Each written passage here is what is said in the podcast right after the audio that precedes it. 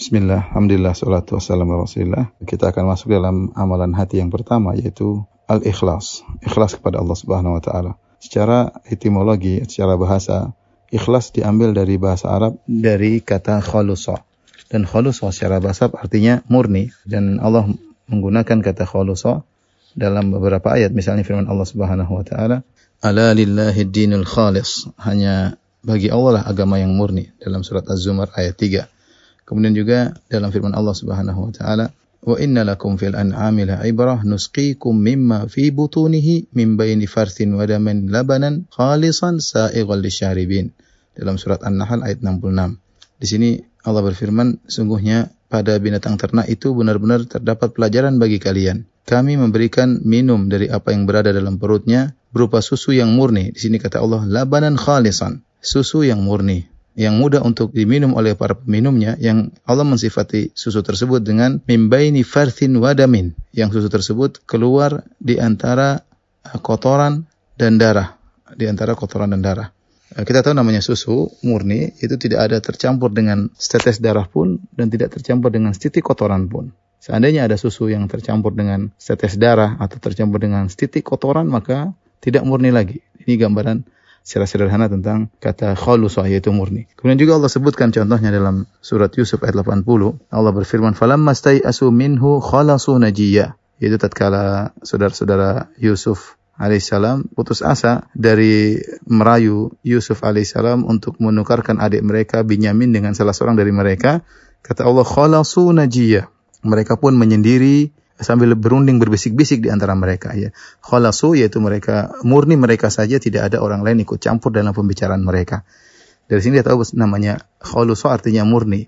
Adapun ikhlas dari akhlaso yukhlisu ikhlasan artinya memurnikan, artinya memurnikan. Yaitu secara sederhana maknanya seorang memurnikan ibadahnya hanya untuk Allah Subhanahu wa taala. Tidak boleh niatnya tercampur dengan selain Allah Subhanahu wa taala. Ya sebagaimana murninya susu yang tidak tercampur dengan tetes darah pun dan tidak tercampur dengan setitik kotoran pun demikian juga seorang ketika beribadah kepada Allah niatnya ikhlas murni karena Allah Subhanahu wa taala. Dia tidak mengharapkan sedikit pun pujian dari manusia, tidak mengharapkan sedikit pun sanjungan dari manusia karena ketika dia beribadah, ternyata dia berharap diakui, disanjung, dihormati, maka sungguhnya niatnya tidak ikhlas lagi. Kalau niatnya tidak ikhlas lagi, maka tidak diterima oleh Allah Subhanahu wa taala ibadahnya. Karena dalam satu hadis hadis qudsi eh, Allah Subhanahu wa taala berfirman, "Ana aghna syuraka 'ani syirk." Aku adalah zat yang paling tidak butuh dengan syarikat ya. Aku tidak tidak ingin diduakan kalau bahasa bahasa kita Allah Allah tidak ingin diduakan, Allah tidak ingin disamakan, tidak ingin disyarikatkan.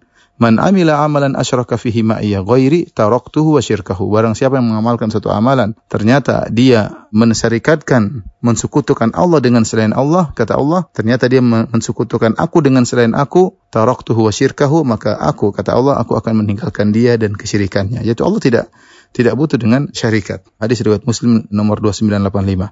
Dalam riwayat yang lain kata Allah Subhanahu wa taala, "Faman amila li amalan asyraka fihi ghairi fa ana minhu bari'un wa huwa lilladzi asyrak." Barang siapa mengamalkan suatu amalan, ternyata dia mensekutukan aku dengan selainku, yaitu dia menyamakan aku dengan selain aku, fa ana minhu bari, maka aku berlepas diri darinya, wa huwa lilladzi asyrak. Dan dia untuk sekutuku.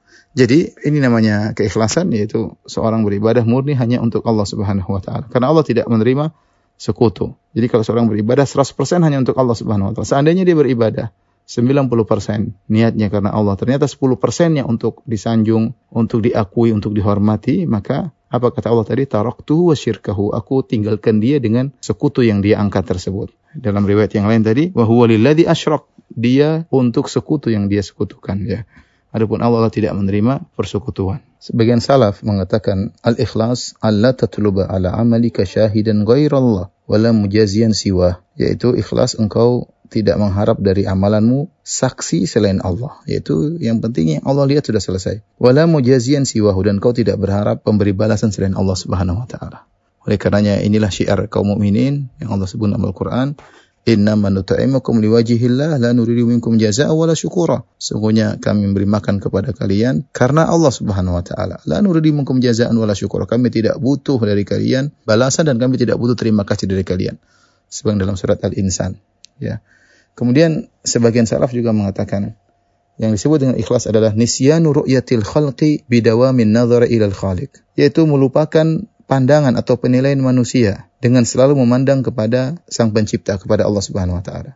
Yaitu ikhlas itu artinya sudah dia tidak mengharap apa pun dari manusia, tidak mengharap dipandang, tidak mengharap diakui, tidak berharap dikomentari. Ya dia benar-benar mengharap dari Allah Subhanahu wa taala.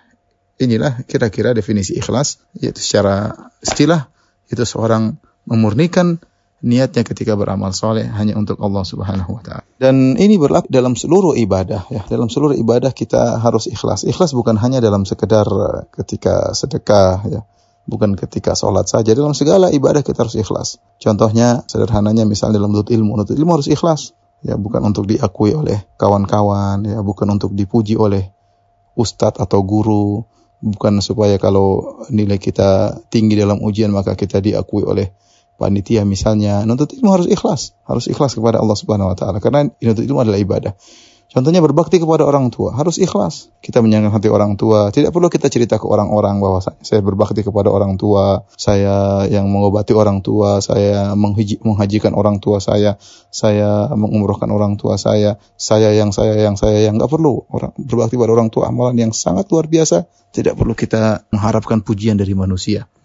Ya. Kemudian juga Misalnya masalah dakwah. Dakwah juga perlu keikhlasan. Allah berfirman dalam surat Yusuf 108, "Qul hadhihi sabili ad'u ila Allah ala basiratin ana wa man ittaba'ani wa subhanallahi wa ana minal musyrikin." Katakanlah wahai Muhammad, ini adalah jalanku ad'u ila Allah, aku menyuruh kepada Allah ala basirah di atas ilmu. Ya, jadi seorang berdakwah harus dia menyuruh kepada Allah, bukan menyuruh untuk yayasannya, bukan menyuruh untuk dirinya agar orang berkumpul sama dia. Kalau ada ustadz lain yang rame dia jengkel, dia hasad, kalau ada grup lain banyak dia cemburu, enggak dia beribadah untuk Allah Subhanahu wa taala. Bukan untuk grupnya, bukan untuk yayasannya, bukan untuk pondoknya, bukan untuk majelis taklimnya tidak, dia berdakwah untuk Allah ya, ad'u ilallah.